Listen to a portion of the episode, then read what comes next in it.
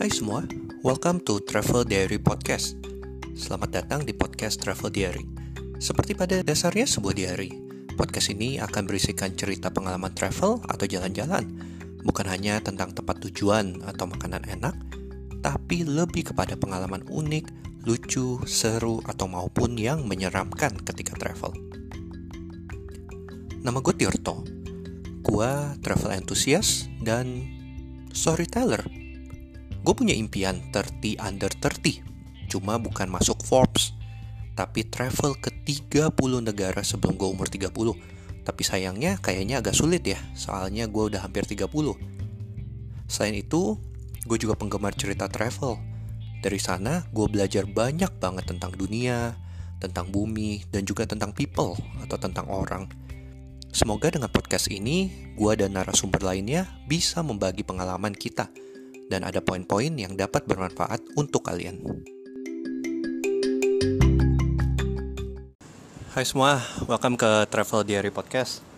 So far, ini udah episode nomor 4 dan 3 episode pertama feedbacknya bagus banget. Kalian kasih kritik, saran, dan gimana cara gue bisa improve. Dan karena banyak banget demand untuk travel ke South America, di episode ini gue ngundang temen lama gue dia salah satu yang sempat pergi ke Peru, ke Machu Picchu, uh, dan dia travel ke sana sama keluarganya. Suatu experience yang sangat menarik. Dia sempat explore ke sisi cultural atau ke local experience-nya. Langsung aja kita dengar episode nomor 4.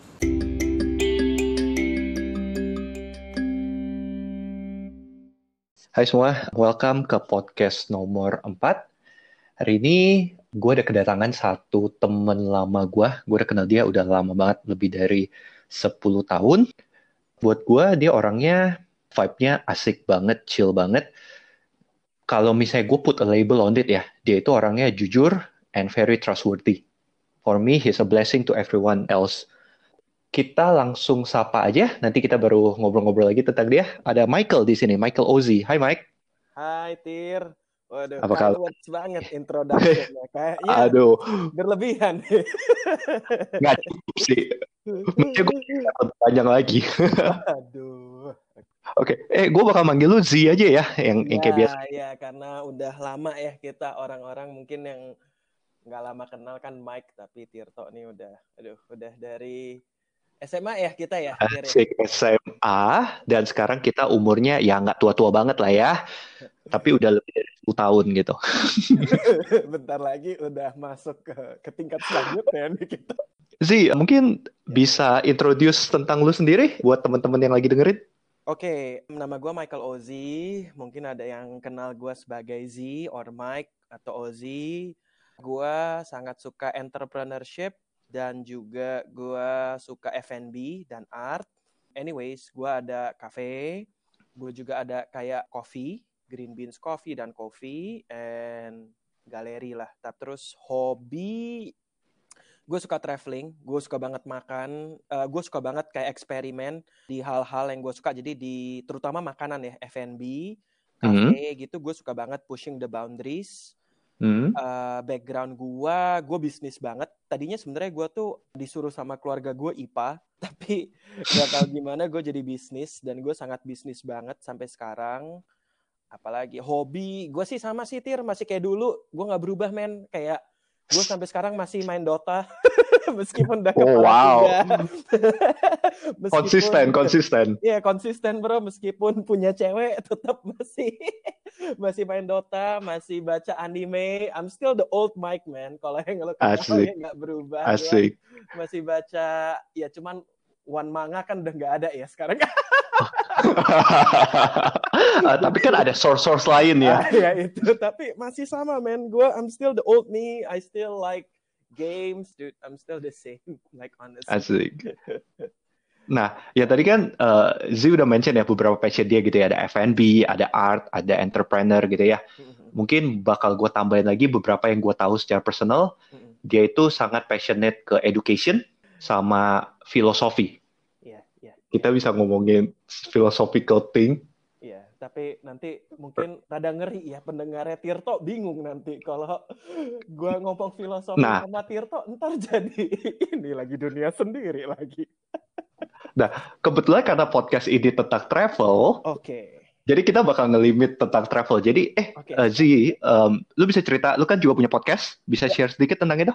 Oke, jadi gue punya podcast juga. Podcast gue, Thank You Tir, itu namanya Semasa, dan itu menceritakan tentang bagaimana orang itu menemukan passionnya mereka dalam hidup mereka, dan tantangan yang mereka harus laluin sampai mereka bisa ketemu passionnya. Hmm. Gue baru mulai sih, men. Oke, okay. because of this of COVID Corona lah ya, semuanya jadi lebih produktif.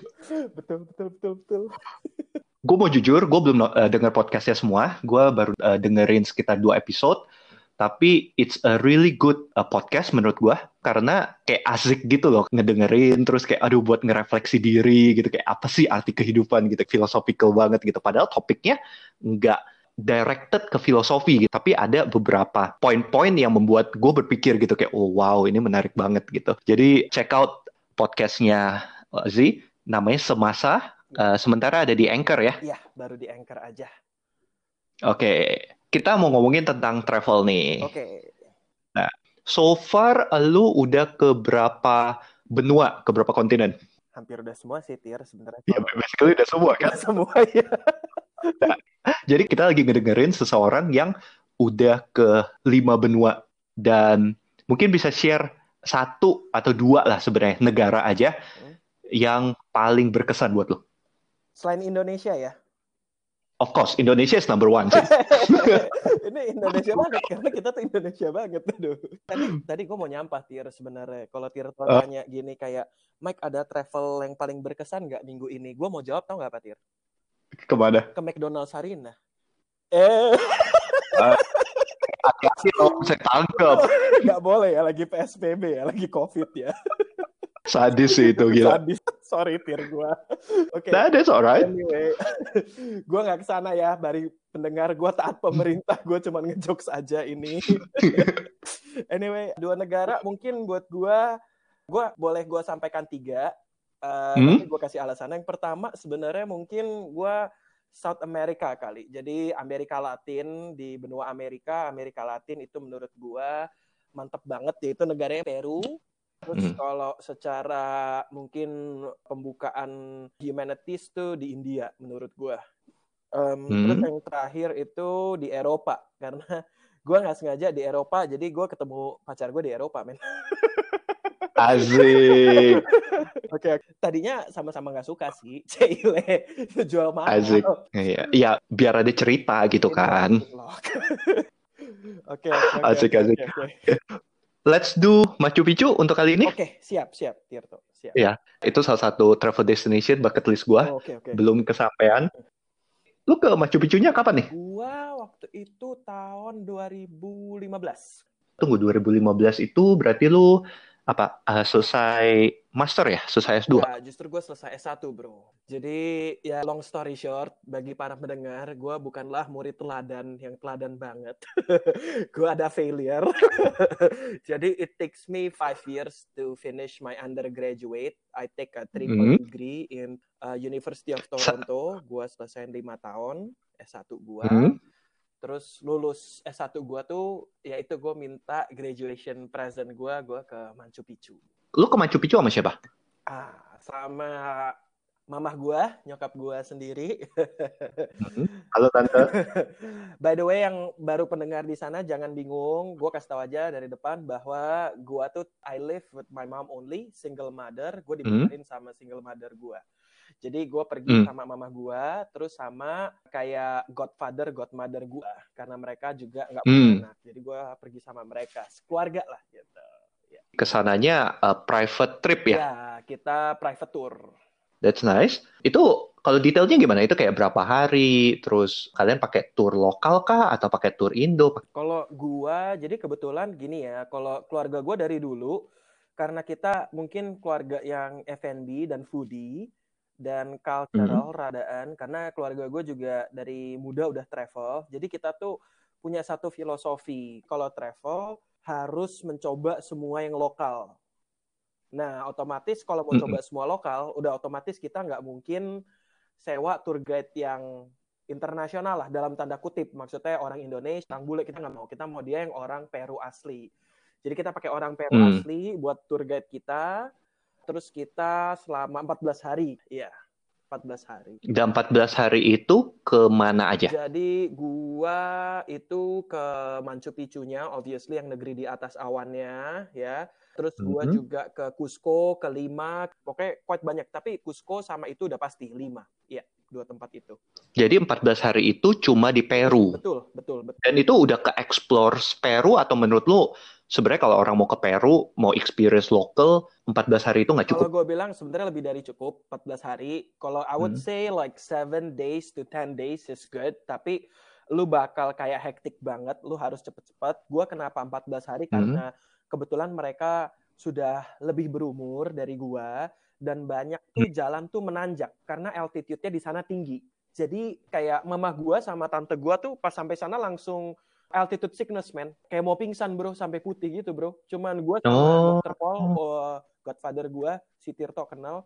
Cuman Hmm. kita doang yang oke, tapi yang cewek-ceweknya langsung tepar men. Jadi karena kayak gitu ya kalau travel sama orang tua ataupun apa ya dilebihkan gitu karena di sana juga suasananya Hmm. sebenarnya chill juga sih kalau lu mau bawa nyantai-nyantai gitu. Iya. Dan kalau dari research gua, Machu Picchu itu kan lokasinya kayak benar-benar out of nowhere ya. Maksudnya dia nggak deket sama kota-kota besar Betul, gitu. betul. Kemarin ke sananya gimana? Ke site-nya Machu Picchu-nya itu? Jadi harus pakai pesawat terbang lagi. Jadi gue kelima situ di kota besarnya, terus dari situ gue harus naik pesawat terbang lagi, men. Jadi kayak dari Jakarta ke Jogja, tapi pakai pesawat terbang gitu. Terus dari situ kita sama orangnya naik mobil ke atas. Nah, terus dari bawahnya kalau nggak salah namanya Cusco kan kotanya. Nah, itu sampai atasnya, sampai tempat yang kota di atas awannya itu kita bisa pilih empat hal. Yang pertama tuh kereta, yang kedua pakai Inca Trail-nya sendiri. Jadi pakai Inca Trail tuh ngejalanin apa yang prajurit Inca pernah jalanin. Tadi lewat hutan gitu dan itu katanya sih 3 sampai 7 hari tergantung lu gitu. Dan itu ya gue udah nggak mungkin bisa men karena kan gue ada nyokap gue gitu. Karena di situ katanya ya ada singa, ada ular dan ada, ada really real Wajir. Meskipun ya ada VVIP-nya. Jadi gue dengar waktu zaman gue dulu pun jadi ada eksklusif VVIP hutan tour ya mungkin Cile. Lu dikasih chef bro. di hutan tapi ada chef men. Ada Wow. bodyguard. Jadi kayak jadi kayak omakase Iya, style gitu ya di dalam. Oh oke. Lalu ada lagi itu sama mobil tir. Tapi waktu itu gue naik kereta. Dan kondisinya keretanya udah udah bagus ya, maksudnya Oh, site di situ udah bener-bener turis banget, men, gitu. bagus. Terus lu tuh biasanya dari Cusco, lu ke bawahnya Machu Picchu tuh, kota di atas awannya. Nah, dari bawah ke atas, lu juga bisa pilih lagi, bro.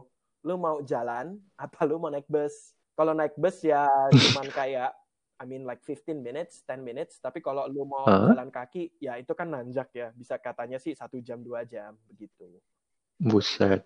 Jadi ini sebenarnya semuanya tergantung budget ya. Kalau misalnya bener-bener backpacker, mau budget ya dijalanin aja Bisa- gitu. Bisa banget, men. Bisa banget, men. Jadi lu tuh nggak perlu perkataan misalnya, maaf ya, kalau misalnya, oh kalau yang ke sana cuma tajir doang, kaya doang. Gue sih nggak percaya, men. Maksudnya bisa lu budgetin dan dengan Hmm. murah banget, lu bisa. Cuman it's gonna be tough gitu. Karena ya lu harus jalan kaki banyak gitu. Nah, tapi dari kebanyakan blog-blog yang dulu sempat gue baca, yang Inca Trail yang tadi ngelewatin hutan gitu ya, itu katanya sih semuanya worth banget. Katanya itu wow banget, keren banget, tapi semuanya yang nge-review orang bule. Ya, atau yang Asia-Asia yang kayak Crazy Rich Asian gitu, mungkin pakai helikopter kali ya, langsung kayak bird view dari atas. itu ada, Tir. Jadi ada yang ngincer di sana. Oh, iya? Dan waktu itu gue ngincer karena gue suka banget. Tirto tau lah, Tirto udah kenal gue. Gue tuh suka ngincer uh, mountain view of uh, sunrise, sunset, dan kota-kota. Jadi Hmm. gue di sana tuh gue ngincer. Cuman waktu itu gue nggak dapet. Orang akan ke sana buat ngincer sunrise di atasnya, Tir. Itu ada. Itu katanya bagus banget. Di atas itu maksudnya di gunung agak pinggir, ngelihat ke Machu Picchu dari atas dan Yes, sunrise yes, gitu kan? yes, yes, yes. Lu kan ceritanya tadi naik kereta kan ke sana ya. Iya, iya, iya. Terus ketika udah nyampe ke stationnya, itu kan lang- nggak ngelihat Machu Picchu-nya langsung dong. Lu Iya. harus jalan sedikit kan. Betul. Tell me pertama kali lu ngelihat Machu Picchu, feelingnya gimana sih? Jadi eh salah satu impian gue adalah gue tuh harus melihat Seven Worlds Wonder gitu. Yang pertama ya karena kita di Indonesia udah ada Borobudur dong. Kita harus bangga Hmm. kan. Jadi Hmm. gue yang kayak oh gue udah pernah ini, terus gue jadi pengen semua lah. Terus ya gue pernah ke Eropa, gue pernah lihat Eiffel Tower dan lain-lain. Tapi yang gue tahu kenapa Machu Picchu karena katanya negeri di atas awan. Jadi gue pengen lihat kayak apa sih ini gitu Hmm. kan dari kecil gitu. Sampai akhirnya kejadian dan itu gila banget kayak wah it's such a blessing keluarga gue bisa kasih, gue udah seneng banget. Gue sih kayak excited banget karena it takes couple of days untuk sampai ke sana meskipun naik mobil dan apa-apa ikutin itinerary-nya. Gue jalan cepet banget, man. Gue inget gue sepatunya bukan sepatu hiking. Sorry, I don't give a shit, man. Gue yang Hmm. kayak udah nggak pakai sepatu hiking, tapi gue yang kayak jalannya cepet dan kaki gue sakit. Lu tau lah, kalau orang yang sering traveling, Yep. gimana sih nggak pakai sepatu travel? Gue pakai Sperry dan gue naik Machu Picchu. Gue tuh yang kayak nggak peduli setan. Keluarga gue tuh ketinggalan di belakang. Gue tetap lari aja sendiri karena gue pengen lihat itu. Gue pengen lihat kayak gue harus lihat Machu Picchu. Gue tuh excited banget kayak minta maaf sama keluarga gue, gue bilang, mah sorry ya mah gue tinggal. gue naik dan gue dan gue langsung ke atas, gue langsung foto dan bro, man, I have achieved apa yang bucket list travel gue yang nomor satu, yaitu Machu Picchu. Jadi gue kayak gila banget gitu, kayak ngeliat beneran, tapi di sana tuh bener, kalau gue boleh ngomong 2015 ya, sesuai Hmm. foto. Jadi what you see is what you get, man. Kayak bener-bener literally, bukan kan ada daerah-daerah travel yang cuma di foto doang ya bagus ya kayak naked eye saya kayak ini apaan sih tapi kalau di foto diedit bagus kalau ini tuh literally emang gila men kayak gila banget kayak gila banget terus di situ tuh tempatnya bebas jadi lu tuh bisa kayak udah sampai atas tuh lu bisa kayak free roam jadi lu kayak bisa manjat lah lu mendaki sendiri itu tuh bisa men itu gila banget men How would you describe Machu Picchu dari experience lu dari mata lu gitu? Lu ngelihat dia tuh kayak gimana? gue bilang sih yang keren tuh sebenarnya kalau lu dengerin sejarahnya men itu tuh Hmm. gila banget jadi kalau gue orangnya tuh karena mungkin tadi Tirto udah pernah bilang gue orangnya filosofi jadi buat gue mereka punya bangunan atau kenapa dibangun seperti itu tuh ada filosofinya. Dan itu tuh gila banget men. Buat gue manusia prabadan segitu bisa memikir sejauh itu dan membangun seperti itu tuh kayak oh man that's that's crazy gitu. Kayak oh ini kenapa di sini? Karena nanti ada matahari masuk dan menunjukkan jamnya. Terus misalnya kayak dia buat tangganya setiap berapa derajat karena di setiap lengkungan itu tuh turun satu derajat dan itu buat nanam itu tuh men itu tuh kayak kuburannya kenapa kayak begitu bentuknya wah itu tuh kayak lu naik ke atas tuh kayak lu melihat satu kota dan lu dijelasin semuanya itu tuh gila banget dan lu tuh bisa explore di situ lu muter satu round itu tuh dua jam kurang lebih satu jam sampai dua jam lah kalau lu kayak muter Hmm. luarnya tapi kalau lu mau explore lu tuh bisa lari-lari lu bisa lihat lu bisa foto lu bisa pegang batunya kayak batunya gua panjat gua tuh kayak orangnya kan lu tau lah gua tir dari lama I'm a bit like crazy wild kayak gua di batu-batunya aja gua panjatin dan itu tuh nggak banyak kayak apa ya kayak misalnya lu di Eiffel Tower sih lu panjat kayak nggak boleh lah men kayak Iya, lu kayak kayak iya, foto jauh. konten. Tapi kalau di Machu Picchu, lu tuh boleh pegang, lu boleh meditasi, lu boleh berdoa, lu boleh gambar. Jadi whatever traveler you are, lu mau sebagai traveler yang spiritual, lu sebagai traveler yang oh gua mau gambar, gua cari inspirasi, lu sebagai traveler yang mau tahu architecture-nya, lu tuh pasti ke sana tuh hands on. Lu tuh boleh pegang, lu boleh tanya, lu boleh diem, lu Hmm. bisa ngapain aja. Itu tuh gila dan men kayak lu lihat bener-bener tuh ya padang rumput yang hijau, terus abis itu ada alpakas. Alpakas tuh kayak lama ya, tapi bukan lama. Hmm. Apa ya? Alpakas apa ya bahasa Indonesia? Google aja guys. Pokoknya cute gitulah gitu. Huh? Ada ada alpakas liar jalan-jalan, lu bisa pegang, lu bisa kasih makan mereka. Terus bebatuan bekas reruntuhannya yang lu bisa masukin lu pegang dan lu bener-bener lihat awan tir, lu lihat awan di sekitar lu itu ih kayak kayak Doraemon gitu kan kalau gua rasa tinggi tinggi. Nah ini eh ini gue kasih boleh nggak gue kasih saran bagi yang mau pergi ke sana? Boleh, boleh. Semua yang mau pergi ke sana, jangan lupa di Machu Picchu itu pas lu naik ada yang namanya Huana Picchu. Jadi itu tuh Secret Mountain-nya Machu Picchu dan gua nggak berhasil ke sana. Aduh. Hmm. Hmm. Jadi Hmm. kalau lu udah ke sana, jangan lupa sebelumnya lu cek dulu karena itu dibatasin oleh pemerintah cuman boleh 100 orang setiap hari. Harus nge-reserve ya. Betul, betul, betul. Jadi gue nyesel banget. Gue udah sampai atas itu, gue mau masuk gak bisa karena gue nggak reserve, man. Gitu. Nah, gue juga ada satu trik karena ini satu kesalahan yang hampir gue perbuat. Kalau kalian ada rencana mau Inca Trail yang tadi 3 sampai 7 hari itu, Hmm. jangan pergi bulan Februari atau Maret Betul. karena lagi tutup. Betul, betul, betul. Tapi kalau bulan April, Tir, katanya April Mei, karena katanya lagi musim bunga bersemi. Katanya cantik banget di sana. Tapi gue waktu itu kalau kalau gue ke sana tuh Juli Juni, bro. Hmm? Juli Juni, Juli Juni gue ke sana. Tapi di situ weathernya berarti karena altitude setinggi itu dingin terus ya berarti ya? Eh, jadi gini sih, nggak dingin-dingin banget. Tapi kalau pagi, jadi dia tuh kayak lucu sih, kayak puncak lah kalau aku bilang. Nggak dingin-dingin Hmm? banget sih, kayak puncak. Tapi lu pasti perlu jaket, men. Lu perlu jaket, tapi nggak jaket yang tebel kayak gimana gitu. Hmm. Lu kemarin itu di sana dari jam berapa sampai jam berapa kira-kira? Pagi sampai sore, sampai sunset. Dapat sunset? Gue dapat sunset. Karena gue nggak dapat sunrise, gue harus dapat sunset. Gimana gimana? ya, sunsetnya sebenarnya sih pengen ditemenin sama yang Eropa. Cuman ya udahlah sama mama aja lah ya. Em, ya gue sama dia, gue sama nyokap gue kita lihat sunset. A lot of the people yang cari sunrise sunset adalah buat spiritual journey mereka karena katanya Hmm? di situ spiritual levelnya menurut mereka beda. Gua sih nggak, I'm not gonna comment on that. Cuman itu ada yang itu Hmm. katanya uh, that place give a lot of inspiration for the artist and architecture katanya. Jadi mereka suka di situ sunrise sunset. Tapi itu very beautiful karena di bagian atasnya itu tuh sama sekali nggak ada polusi. Jadi ya obviously kayak sekarang lah pas di covid ini kayak sunrise sunset Hmm. kan cakep banget ya. Seru banget. Um, lu tadi mention lu di selama di Peru 14 hari kan lu try to do the local trip kayak masa lebih experience tentang local experience ya gitu. Iya, Makanan, minuman yang lu coba di situ ada yang menarik? Em, ada Hmm? Yang pertama adalah guinea pig. Jadi yang guinea pig apa ya? Bukan hamster ya. Ha, bukan hamster. Bukan, bukan. Marmut. Gue makan marmut. Itu lumayan kayak kalau kelinci gue udah biasa karena di Indonesia ada sate kelinci apa pun di Jepang ada sate kelinci, kuda biasa, kerbau, alligator gue pernah.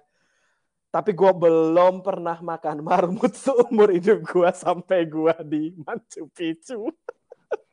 Dimasak kayak gimana ya? Sorry dimasaknya dipanggang tir. Jadi dipanggang kering gitu kayak ayam bakar gitu. Kayak Hmm? suckling pork. Nah.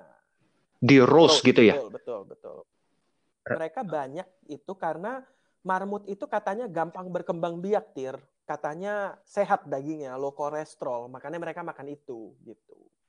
Hmm, rasanya kayak apa ya? Em, kayak actually kayak burung dara. Karena dagingnya nggak banyak men. Persis bener persis kayak gitu Mungkin pertanyaan gue, kalau lu balik ke sana lu makan lagi nggak?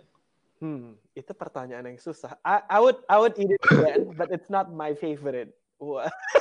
It's not my Okay. favorite honestly karena aneh. Bukan anehnya tuh bukan aneh yang kayak geli, bukan ya. Tapi anehnya tuh lebih yang kayak nggak biasa.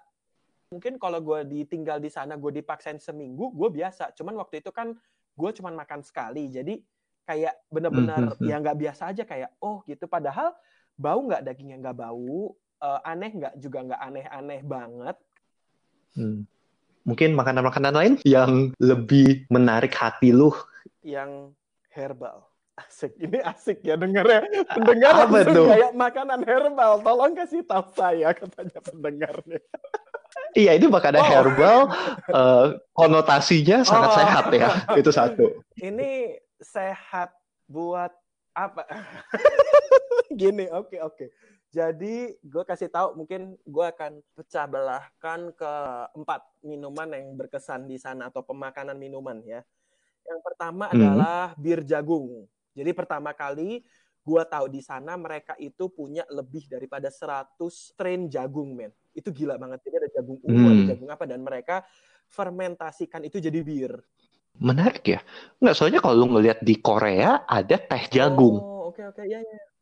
Rasanya berarti ada natural manisnya Hmm. gitu ya. Mm-mm, mm-mm. Itu unik banget, itu unik banget. Habis jagung bir, coklat karena ternyata coklat Peru adalah salah satu coklat terbaik dan gua baru hari terakhir baru nyadar itu. Gua nyesel. ya. yeah. Coklat ya, Peru. Coklat Peru adalah salah satu coklat terbaik di dunia. Oke. Okay.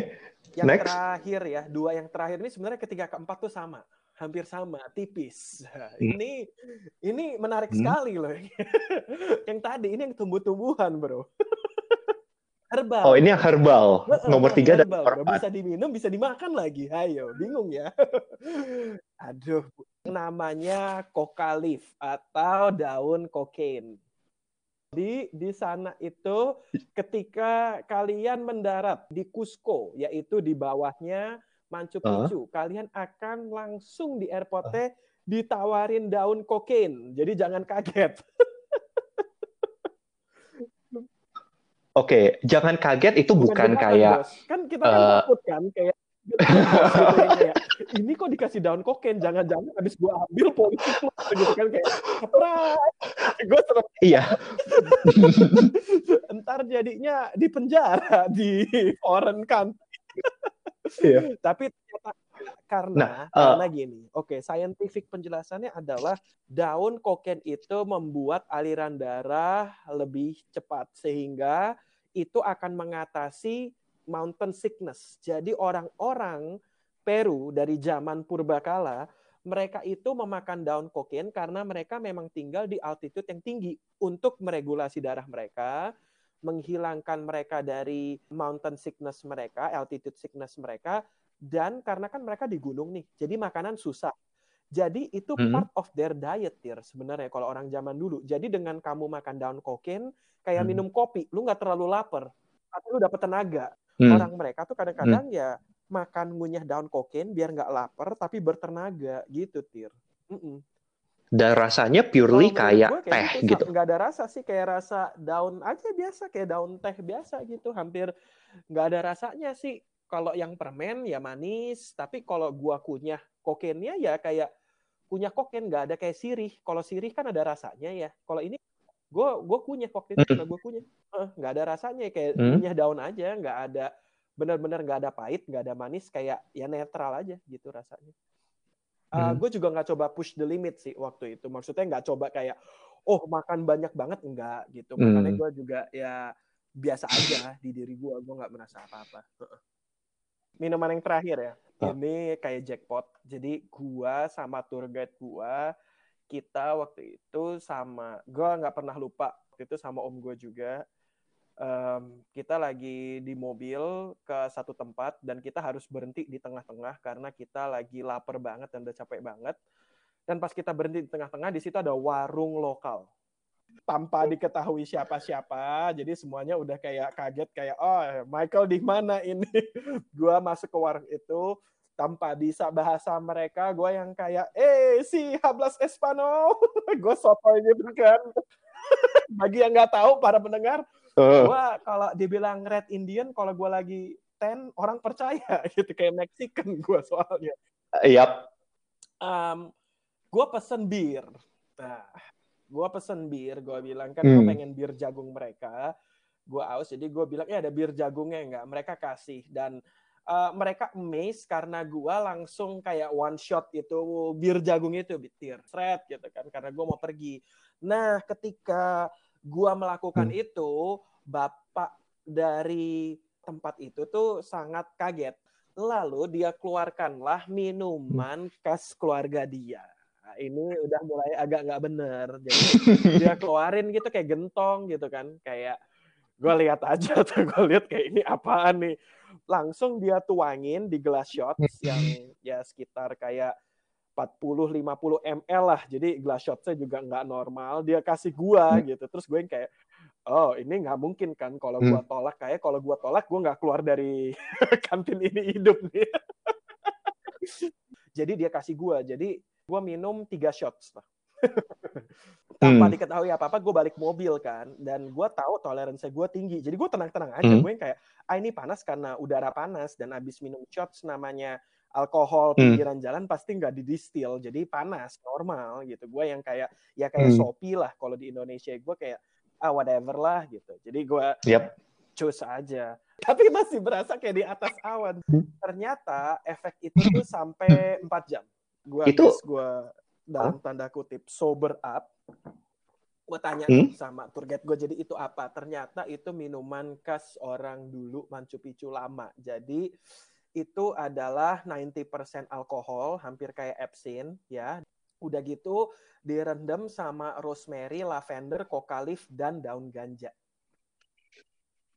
gua nggak tahu Oh, itu wow. kayak iya yuk shots ye gitu kan gue yang kayak makanya di mobil Nih, Iya, gue tiga, Tiga shot gua- langsung. Gue empat jam, gue empat jam gue diem men. Di mobil gue beneran nggak ngomong.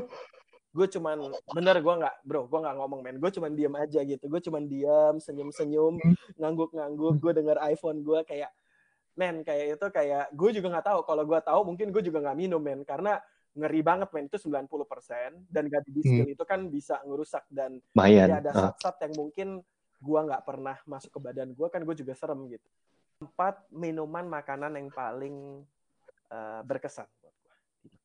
Ini nih travel for life. eh, Moto milenial. yang mendengarkan ini saya harap jangan kalian hidup buat travel atau save buat travel. Belajar dulu yang benar kumpulin duit baru travel jadi kalau gue mau kasih saran gini. Boleh? gunakan waktu travel kalian dengan keluarga juga. Jangan cuma sama pacar lu sama temen-temen lu. Gunakan waktu travel sama keluarga lu karena ketika lu travel sama keluarga lu keluarga lu lebih rileks dan lu bisa menyelesaikan hal-hal apa yang lu mungkin nggak bisa selesaikan di rumah lu.